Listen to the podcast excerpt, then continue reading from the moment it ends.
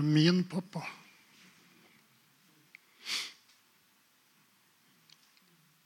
Det er din pappa. Det er vår pappa.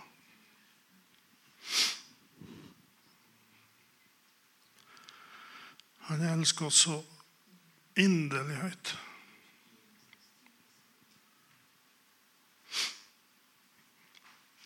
Hvem er jeg? Hvem er jeg? Hvem er jeg uten Guds nåde?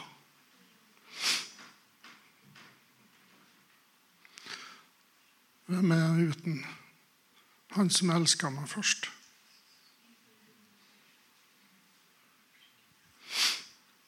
Jeg vil ta dere med på en kort historie.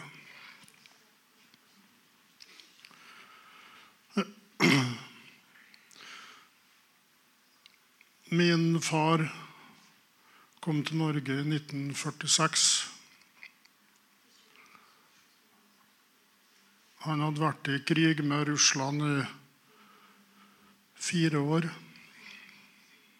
Han hadde sett massiv død, ødeleggelse, fortvilelse. Han ble radikalt frelst julaften 1946 hvor Jesus åpenbarer seg for han på den hybelen han har. Jesus åpenbarer seg og viser seg for han i et syn. uten at Han, han forstår ikke evangeliet. så han, han ber en bønn til Gud og takker for at han har kommet til Norge, at han har berga livet gjennom krigen. Men han forstår ikke nåden.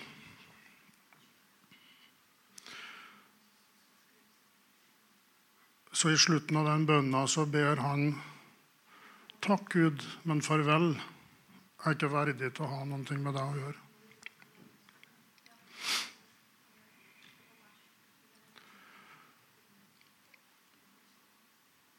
Men Gud hørte den bønna.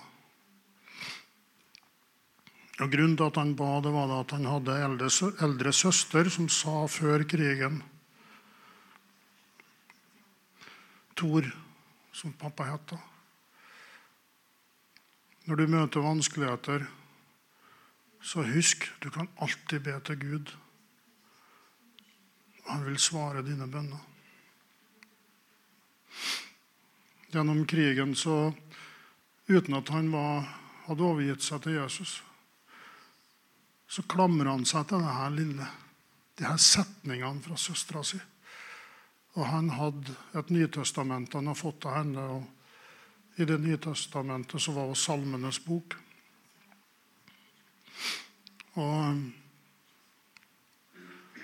den julaften i Moss var første gangen han slo opp i det Nytestamentet. Men det Nytestamentet har vært på innerlomma i feltjakka gjennom hele krigen, men han har aldri kommet på å lese i det.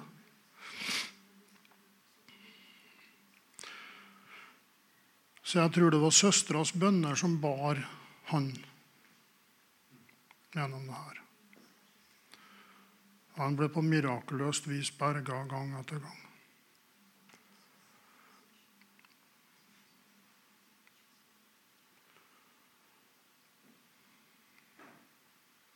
Men så gikk det noen år etter at han var i Norge, så kom masse traumer opp og han fikk veldig, veldig problemer da. noen år.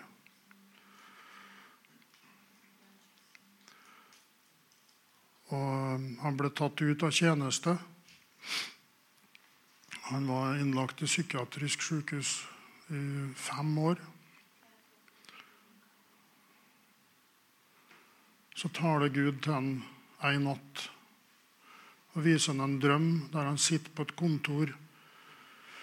Han ser nøyaktig hvordan kontoret ser ut, og så hører han en stemme i den drømmen som sier at eh, her vil jeg at du skal tjene meg en tid. Og Noen dager etterpå så ringer presten på regionsykehuset i Trondheim, det som er St. Olavs i dag, da, og spør om pappa kan komme og ha en samtale med han på sykehuset. Og pappa drar dit, går inn på det her kontoret til presten. og Rett etter at han har kommet dit, så er det en som kommer inn på prestekontoret og spør om, om ikke presten kan komme og gjøre en sånn hastesak, da, så pappa blir sittende på kontoret alene. Og Da sier han presten at uh, Jon Mauritzen heter han, han sier at kan du, kan du sette deg på min side av kontorpulten her og så bare ta imot telefonen, for du, du er jo prest. Og pappa var så full av angst at uh, det var som det var som å bestige Mount Everest og gå og sette seg på den sida av den kontorpulten. Men han gjorde det. Og han satte seg der, så så han at det var det kontoret han hadde sett i den drømmen. Og ved en prestestab som var drilla i sjelesorg, som var drilla i å hjelpe mennesker ut av uføre, så fikk pappa lov til å ta små steg ut i lyset igjen. Ut fra redselen, ut fra angsten, ut fra fortvilelsen. Ut fra opplevelsen av alle tap.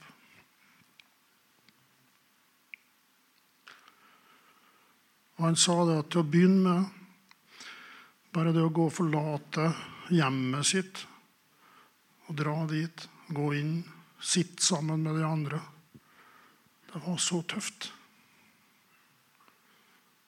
Etter hvert så kunne han gå og holde noen korte andakta. Og de andre dem heia på han, oppmuntra han. Når han snubla, sleiva med hvordan han la fram Guds ord. Hvordan han kanskje sa ting annerledes. Hvordan han brøyt på et annet språk. Hvordan han hadde et en finsk kultur som ballast, så heia de på han. Løfta han opp. Oppmuntra han. Kom igjen! Det går bra. Der fikser du. Som Jesus sa til Peter. Kom. Kom. Og Peter tenkte Kan han gå, så kanskje jeg kan gå. Så sier han, 'Kom!' Skal vi si det til hverandre?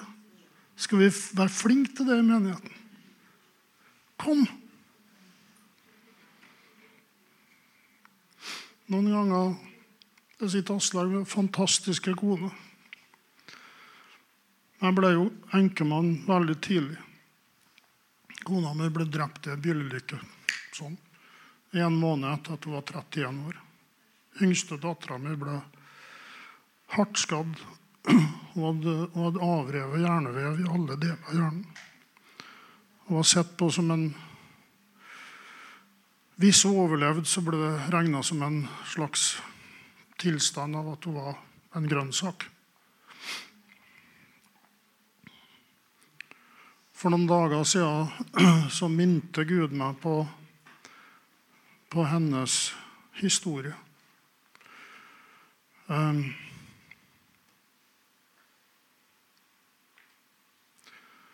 Hun er på Filippinene nå. Det er hennes 13. tur. Og jeg går inn på, på det her eh, flight radar. Når, eh, når, noen i familien er ute og reiser og velsigner dem og ber for dem og ber om at det skal gå bra og sier, nå er du der, og nå er du over Mongolia nå er du, liksom. Så jeg syns det der er interessant. Er litt sånn eh, nerdeting, kanskje. Men jeg syns det er interessant. Og så ser jeg når hun tar av fra Gardermoen da. Hun som alle regna med kom til å være en grønnsak. Hun var blind. Hun kunne ikke gå. Hun hadde sterke spasmer. Hardt, meget hardt skadd. Går inn på flightradar, så ser jeg flyet gå rett over et sted som heter Revetal. Revetalet ligger rett nord for Tønsberg. Og Der bodde vi når ulykka skjedde, eller vi var i ferd med å flytte dit når denne ulykka skjedde.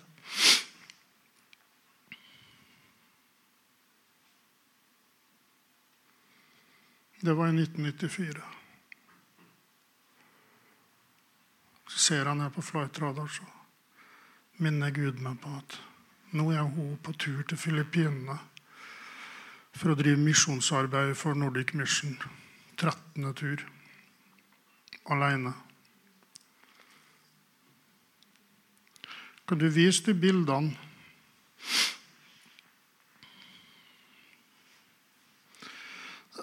Hun sendte meg de her bildene en dag. Dette er fra Østre Samar på Filippinene. Dette er altså herskapsboligen til en familie på Filippinene. Her lever de fordi far i huset har eh, skadd en fot, og han er satt ut av spill i arbeidslivet. Og da er det det de klarer å tilveiebringe av hus og tak over sitt hode. Neste bilde. Så der står dattera mi i midten, da. Og den morgenen så har hun vært og bakt en kake til dem og, og vært der og levert den og snakker med dem, ber for dem, oppmuntrer dem. Og de er i ferd med å komme Send neste.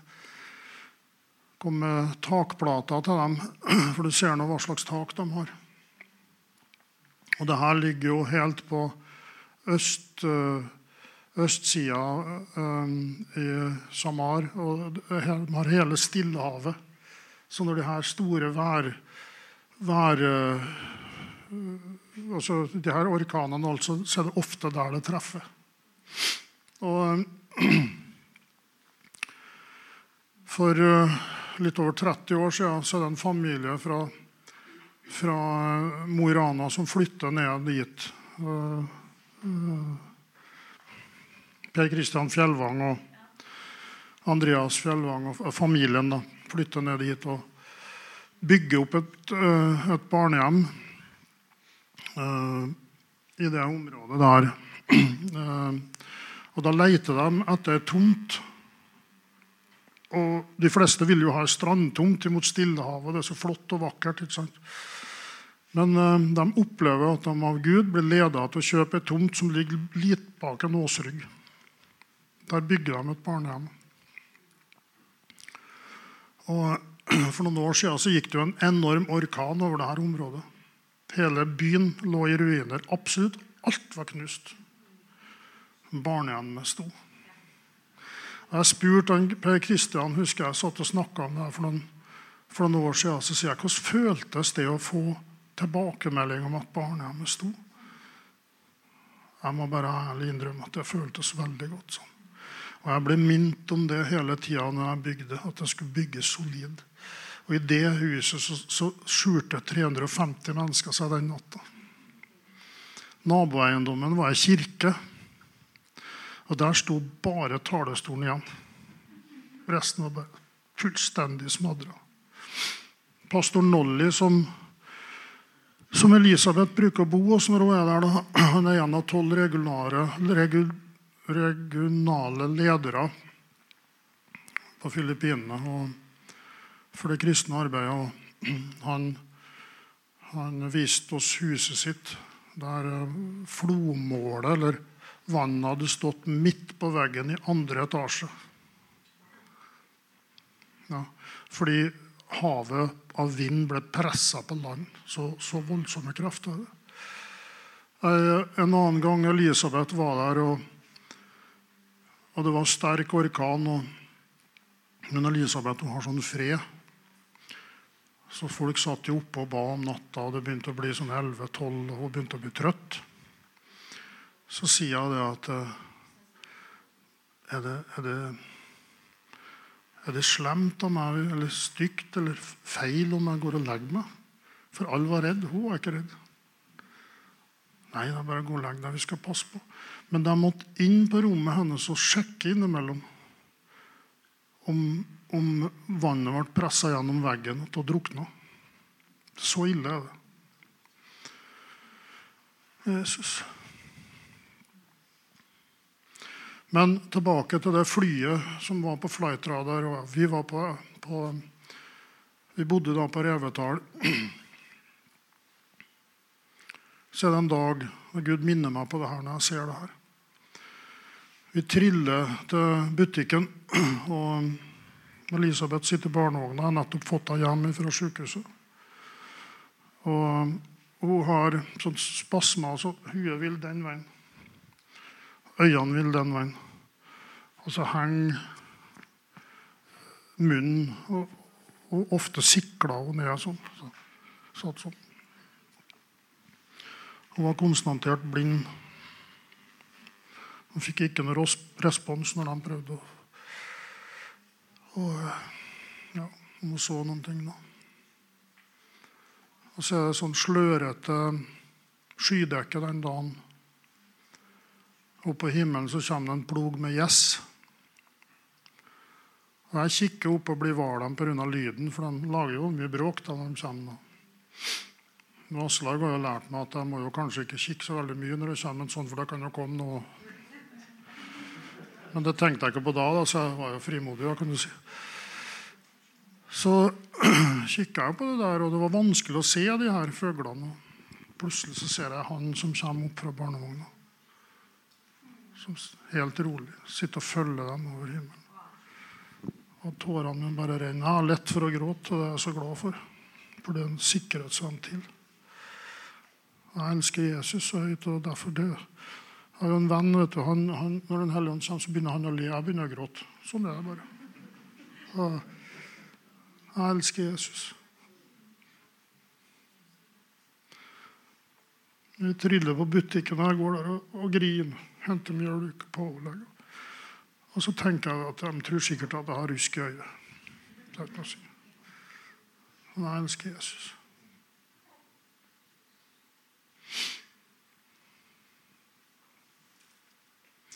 Og han elsker dere så inderlig høyt. Det sitter folk her som responderer til omverdenen ut ifra sår, smerter, hendelser, vanskelige ting som har skjedd. Det er akkurat som livet stopper opp et punkt, og så prøver man å forholde seg til virkeligheten ut ifra det. Igjen og igjen og igjen. og igjen. Og På det jevne så går det bra, men så innimellom så opplever man situasjoner der noen liksom toucher. Touch, og det gjør så vondt. Sånn har jeg opplevd masse. Og det I den perioden da pappa var så sjuk, så, så skjedde det mange ting i familien som overhodet ikke var bra. Så jeg vendte ryggen bort fra Gud. Og jeg la kristne for hat. Jeg vendte meg inn i okkultisme.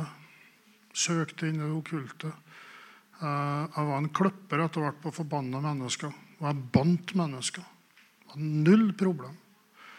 Men jeg var redd dem som var sterkt salva. Og det kjente jeg så godt. Den menigheten her har jeg aldri turt å gå inn i den gangen. Mange andre menigheter kunne jeg gå og sette meg bak. og så kaste forbannelse og binde dem som talte. Jeg kunne det. Som en tenåring. Og drev av det hatet. En gang så kommer Roger Skau på besøk til oss. Han bor hos oss og skal ha teltmøter. Roger Skau var jo pastor i Molde. Dere kjenner han godt. Og Da var han bare ungdom. Kjørte en grønn Renault 16, hvis det sier deg noe. Jan Tore. Så tenkte jeg nå kommer det enda en sånn predikant som begynner sånn. Og jeg hata det så inderlig. Og så kommer han og så sier han, du, jeg har noe tull med bilen min. Et eller annet. Jeg, vet, jeg tror bare han fant på det. Så tar han opp panseret og så spør han meg vet du hvordan han tar opp det panseret. Han visste over det, han. Han løy ikke. Han spurte meg om jeg visste. Så jeg skrudde moped og var veldig ivrig. vet du. Ja. Der, vet du. Ja, så fint, da. Så tar opp hans. Det, oppå der er en sånn vingeskrue. Ja, det er luftfilteret, det, sier jeg. vet du. Luftfilteret. Å ja. Skal vi, skal vi kikke nedi der? Kanskje det er noe galt der? sin?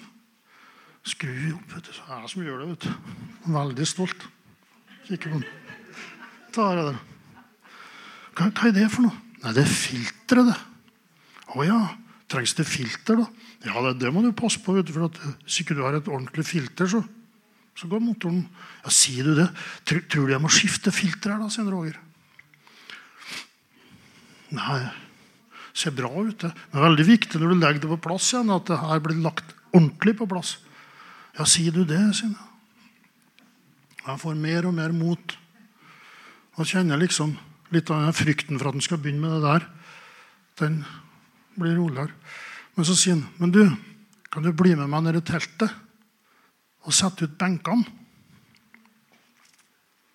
Og da tenkte jeg nå kommer det. Hvis jeg setter meg inn i bilen, da begynner han. Sett oss inn i bilen, og så Har du sittet på med en Renault 16 før, sin? Nei, nei. Ja, hvordan, hvordan liker du den, da? Ja, bra, den. og vi kommer ned til teltet, vet du, og så ja, men Da går vi inn og setter inn teltet. Jeg kommer inn i teltet, vet du, jeg kjente jo den ånd som lå over teltet. Ja. Eller det. Når vi satt her i lovsangen, så ser jeg i min ånd over her er det ild. Englene ser at det er ild her. Her brenner Herrens ild. Har dere tenkt på det? Gjør det. Gjør det. Og Jeg kom inn i teltet, der, for Guds nærvær var der. Nå skjer det. Men så var det liksom noe godt med det. Jeg satte ut benkene. Han nevnte ikke Jesus en gang. Han nevnte ikke Guds ord én gang. Han var bare real, vennlig, snill, god, omtenksom, raus, om ikke annet. Eller spesielt raus. Og vi kjører hjem. Han har ikke formant meg med ordet. Han har ikke formant meg med å forstå ordet rett. Jeg våkna i natt.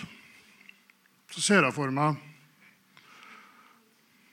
skribentene av evangeliene sitte oppe i himmelen. Så sier den ene Etter at Jesus fikk Den hellige ånd, så kom to stykker og spurte hvor bor du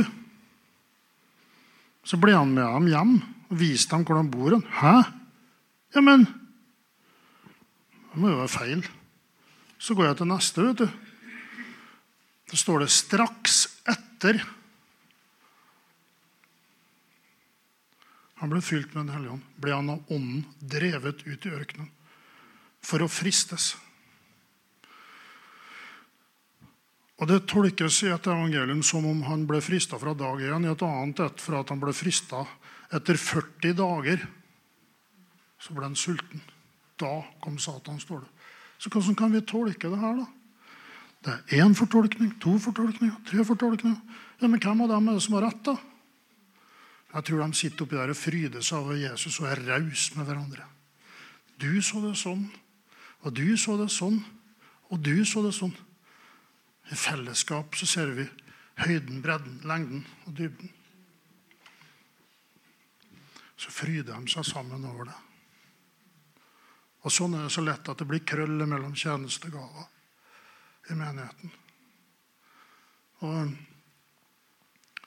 men tilbake til Roger. Han nevnte ikke én ting. Ingenting. Han går ut av bilen, og det er noe inni meg som bare skriker. Herre, få, la meg få det han har. Men jeg var ikke fri. Jeg fortsatte å forbanne. Etter hvert så drar Gud meg inn i seksuell urenhet. Masse greier. Jeg var en ungdom. For Det står at djevelen han kommer for å myrde, plyndre ødelegge. Jeg klarte ikke å stå imot. Jeg har ikke sjans stå imot. Jeg ble dratt mer og mer inn i slåssing og, og bråk og, og, herjing på alle vis. Nå, og så Til slutt så drar jeg til Alta på folkehøgskole, og der ringer lensmannen fra Melhus advarer skolen. Han som kommer nå, det er en bråkmaker. Og jeg var full av frykt. Jeg trena kamptrening, kampsport, og sloss. Og når helgene kom, så kom det her over meg, og jeg begynte å riste. Jeg begynte å skake. Og jeg, og jeg hata det. Jeg tenkte jeg vil ikke holde på med det her. Men jeg bare ble drevet inn i det. Gang etter gang. Jeg våkna uten å huske hva som har skjedd mange ganger. Knokene mine var synslukt, og klærne mine var blodete, men det var aldri mitt blod. Og det var så forferdelig. Så sitter vi på et rom på folkehøgskolen. En, en, jeg har kalt meg for kristen vet du.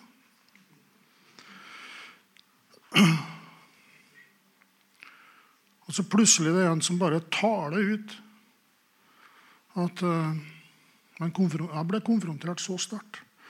Og da er det akkurat som det er noen ting som eksploderer inni meg, og jeg begynner å bekjenne ting. Og uh, han sier, 'Ti stille. Vær stille. Du skal vente til Steinar Harila kommer i morgen tidlig.' Og det var så viselig gjort, for jeg vet at det å bekjenne ting til mennesker, det er ikke bare bare. Du må sortere hvem du bekjenner ting til. For eh, det kan gå veldig både hit og dit med det hva man bekjenner. Og Neste morgen så går jeg til Steinar Arild, han kommer for å ha en helg, møtehelg på, på, på folkeskolen så går jeg fram til Steinar etter morgensandakten, og da var det ikke noen gutt som satt der og forbanna lenger. Det var en gutt som satt der og skreik etter befrielse. Som skreik etter Jesus. Som skreik etter Jesus kjærlighet. Guds fars kjærlighet. Så går jeg til henne og sier jeg, må snakke med deg. Og så sier jeg jeg veit det sånn. Jeg veit det. Går vi på et rom eller en leilighet som vi får låne. Alt Den hellige ånd peker på i livet mitt, det begynner jeg å bekjenne. begynner å fortelle. Det var ting jeg skamma meg så inderlig over. Men bare, jeg visste jeg er nødt jeg er nødt til å dele. Bare nødt til å øse ut av det som er i mitt ødelagte hjerte.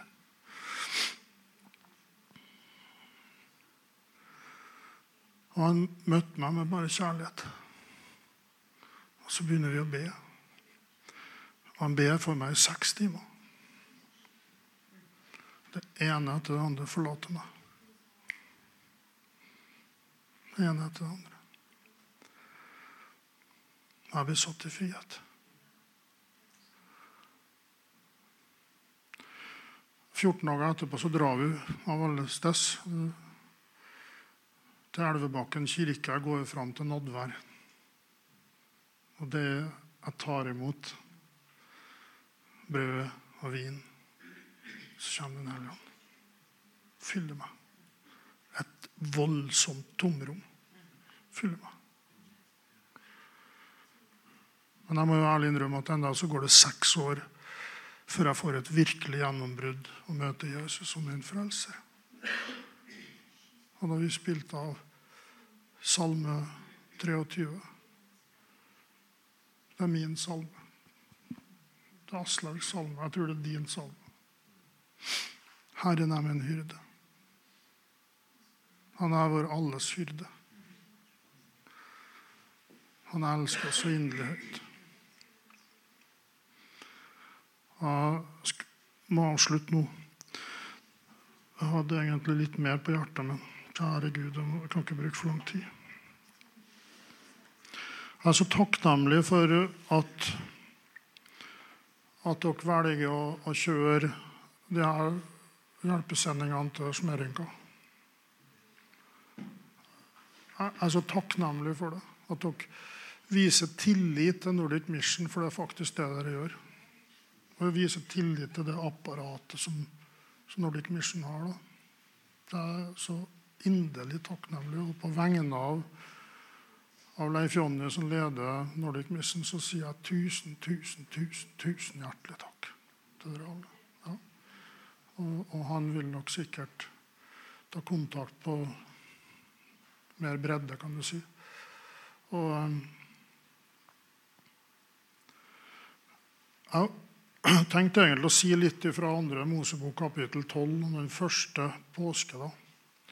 For da ble offerlammet ofra, blodet bestrøkket på dørstolpene så dødsengelen gikk forbi. Og det ble gjort med tanke på det som skulle skje på Golgata. Når vi feirer nadvær, så er det med tanke på det som skjedde på Golgata. Så det her knyttes sammen.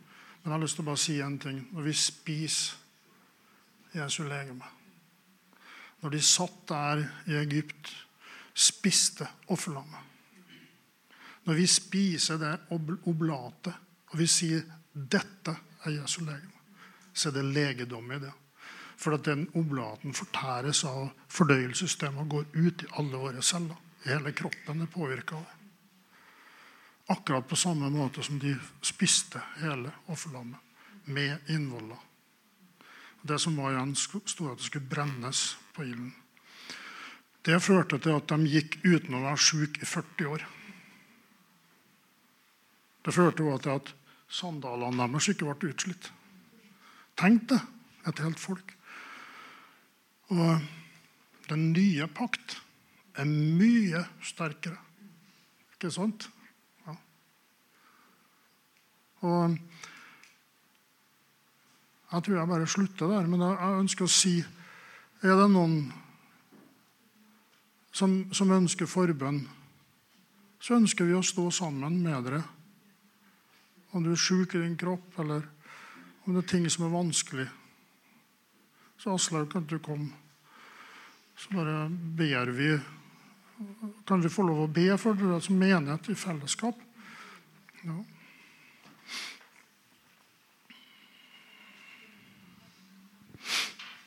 Far i himmelen, jeg bare priser for denne menigheten, denne forsamlinga, får. Jesus. Jeg ber Herre så inderlig, la hver eneste tjenestegav få lov til å reise seg i denne forsamlinga, Herre. Og så ber jeg, Herre, om at du binder sammen den oppvoksende generasjonen til å strekke seg. De som kjenner det at 'jeg har et kall til å være evangelist'. Hvor finner jeg en åndelig far, åndelig mor her, som har samme kall, som kan lede meg videre? Hvordan kan jeg som er voksen, som egentlig er i ferd med å sende stafettpinnen videre, Herre, vis hver enkelt hvor fins den som skal ta over. Hvor fins den som er som Josva, som skal ta over etter Moses? Det står om Josva at han holdt alltid til ved sammenkomstens telt. Og det former han. Og det blir det samme som at hvis vi er, lever, puster, funker i ordet, i bønnen, i tilbedelsen, så vil vi få Josvas sinnelag Josva og Kaleb var det eneste som gikk fra slaveriet og trelldommen gjennom ørkenen i 40 år og inn i det forjette landet. Og det var pga. Forvandlingen av deres sinn gjennom Guds nærvær, tilbedelse og bønn. Og Jeg ber om at det skal bli et, en, noe som ligger over denne menigheten sterkt, Herre, i framtida. Sånn at de bygger en ny generasjon som kan ta imot en, en stor vekkelse av mennesker som, som lengter etter hjelp, sånn som jeg beskrev jeg gjorde. Jeg skreik etter hjelp, men jeg var ikke i stand til å hjelpe meg sjøl. Helt til Steinar Harila kom. Reise opp sånne mennesker i denne menigheten, far. Jeg bare ber om det. Herre. I Jesu navn. Jesu navn. Ja, halleluja, Jesus. Jeg takker deg, Herre, fordi at du elsker oss så høyt, Herre. Takker deg, Herre, for at du har sånn omsorg for oss. Du er vår hyrde. Halleluja. Du leder oss til vann der vi finner hvile. Du leder oss opp på fjelltoppene, Herre, så vi får god utsikt. Og du leder oss til Du passer på oss, Herre, for rovdyr. Og du har satt, satt en, et merke på oss. Et kvalitetsmerke på oss. Og du har gitt oss en pant. Og det er det, det førstegrøden du har gitt oss i vår ånd. Et tegn på at det kommer noe bedre. Og jeg takker deg, Herre, at, at uh, vi skal få lov til å gå på dine løfter her på jorda, Herre. Vi skal få lov til å gå på ditt ord. Jeg takker deg, Jesus, at du, du sier i ditt ord at der Den hellige ånd er, der er det frihet. Og jeg takker deg, Jesus, at du ønsker vi skal være fri. Fri til å vandre sammen med deg i hagen i den svale kveldsprisen. Det er der vi skal være. For vi har ikke fått trelldommens ånd. Vi har fått uh, pappa sin ånd. Den ånd som var med på å skape hele universet. Og, og pappa, du holder jordkloden i din hånd. Og Da blir våre problemer små. Du håndterer. Vi har problemer med å håndtere far, men du håndterer alle ting. For oss er det umulig. For deg er ingenting umulig, far. Du greier alt. Alt. Takk, Jesus. Og du har tatt på deg alt for oss. For at vi skal få slippe. Hvis vi vil gi slipp. Jesus vil. Vil du? Vil du gi slipp? Jesus. Takke deg, Herre. Alt ble spikra på korset. All vår sykdom, all vår synd. Hvorfor tror vi at du bare tok vår synd? Det samme ordet, soso. Synd, sykdom, gjenopprettelse. Tilbake til før Adam og Eva synda i hagen. Det er der vi skal være. Det er nåde, det. Takk, Jesus. Takk, Jesus, for din nåde. Takk, Jesus, at du ønsker å, å bringe oss tilbake dit hvis vi vil. Jesus, jeg ber om at du bøyer vår vilje så vi vil, Herre. Bøy vår vilje, bøy våre hjerter så vi vil, Herre. For vi, vi forstår ikke vårt eget beste, Herre. Du sa når du hang på korset, tilgi dem, for de vet ikke hva de gjør. Du måtte lide. Takk, Jesus. Du ble ofra for oss. Takk, Jesus. Du var, du var ille tilrett. Du var ikke til å gjenkjenne, Herre. Det var ingen så, Du ligna ikke et menneske. Så ødelagt var du, Herre. De reiv skjegget av deg for at vi skulle få slippe å skamme oss. Og vi bærer på så mye skam. Jeg ønsker å si til deg Gi slipp på din skam, for da blir du fri. Skammen holder deg tilbake. Du trenger ikke å bære på skammen. Skammen hindrer deg. Gud vet alt. Det står det. Vi kan ikke gjemme oss bort ifra Gud. Om vi klatrer opp i fjellene og gjemmer oss i grottene, står det, så ser han oss. Han elsker oss så høyt. Gi slipp på din smerte. Gi det til Herren, for han har allerede båret det. Han har allerede båret det. Jeg oppfordrer deg, du som sitter og har tungt å bære. Jesus har båret din smerte. Han har båret det på sin kropp. Han har båret alle, alle dine byrder. Du som er bekymra og redd. Gi det til han, for han sier han vil ta rundt deg og gi deg fred. Han vil fylle deg med fred. Du skal slippe å være redd. Du skal slippe å være bekymra. Du skal slippe å bære på alt det tunge.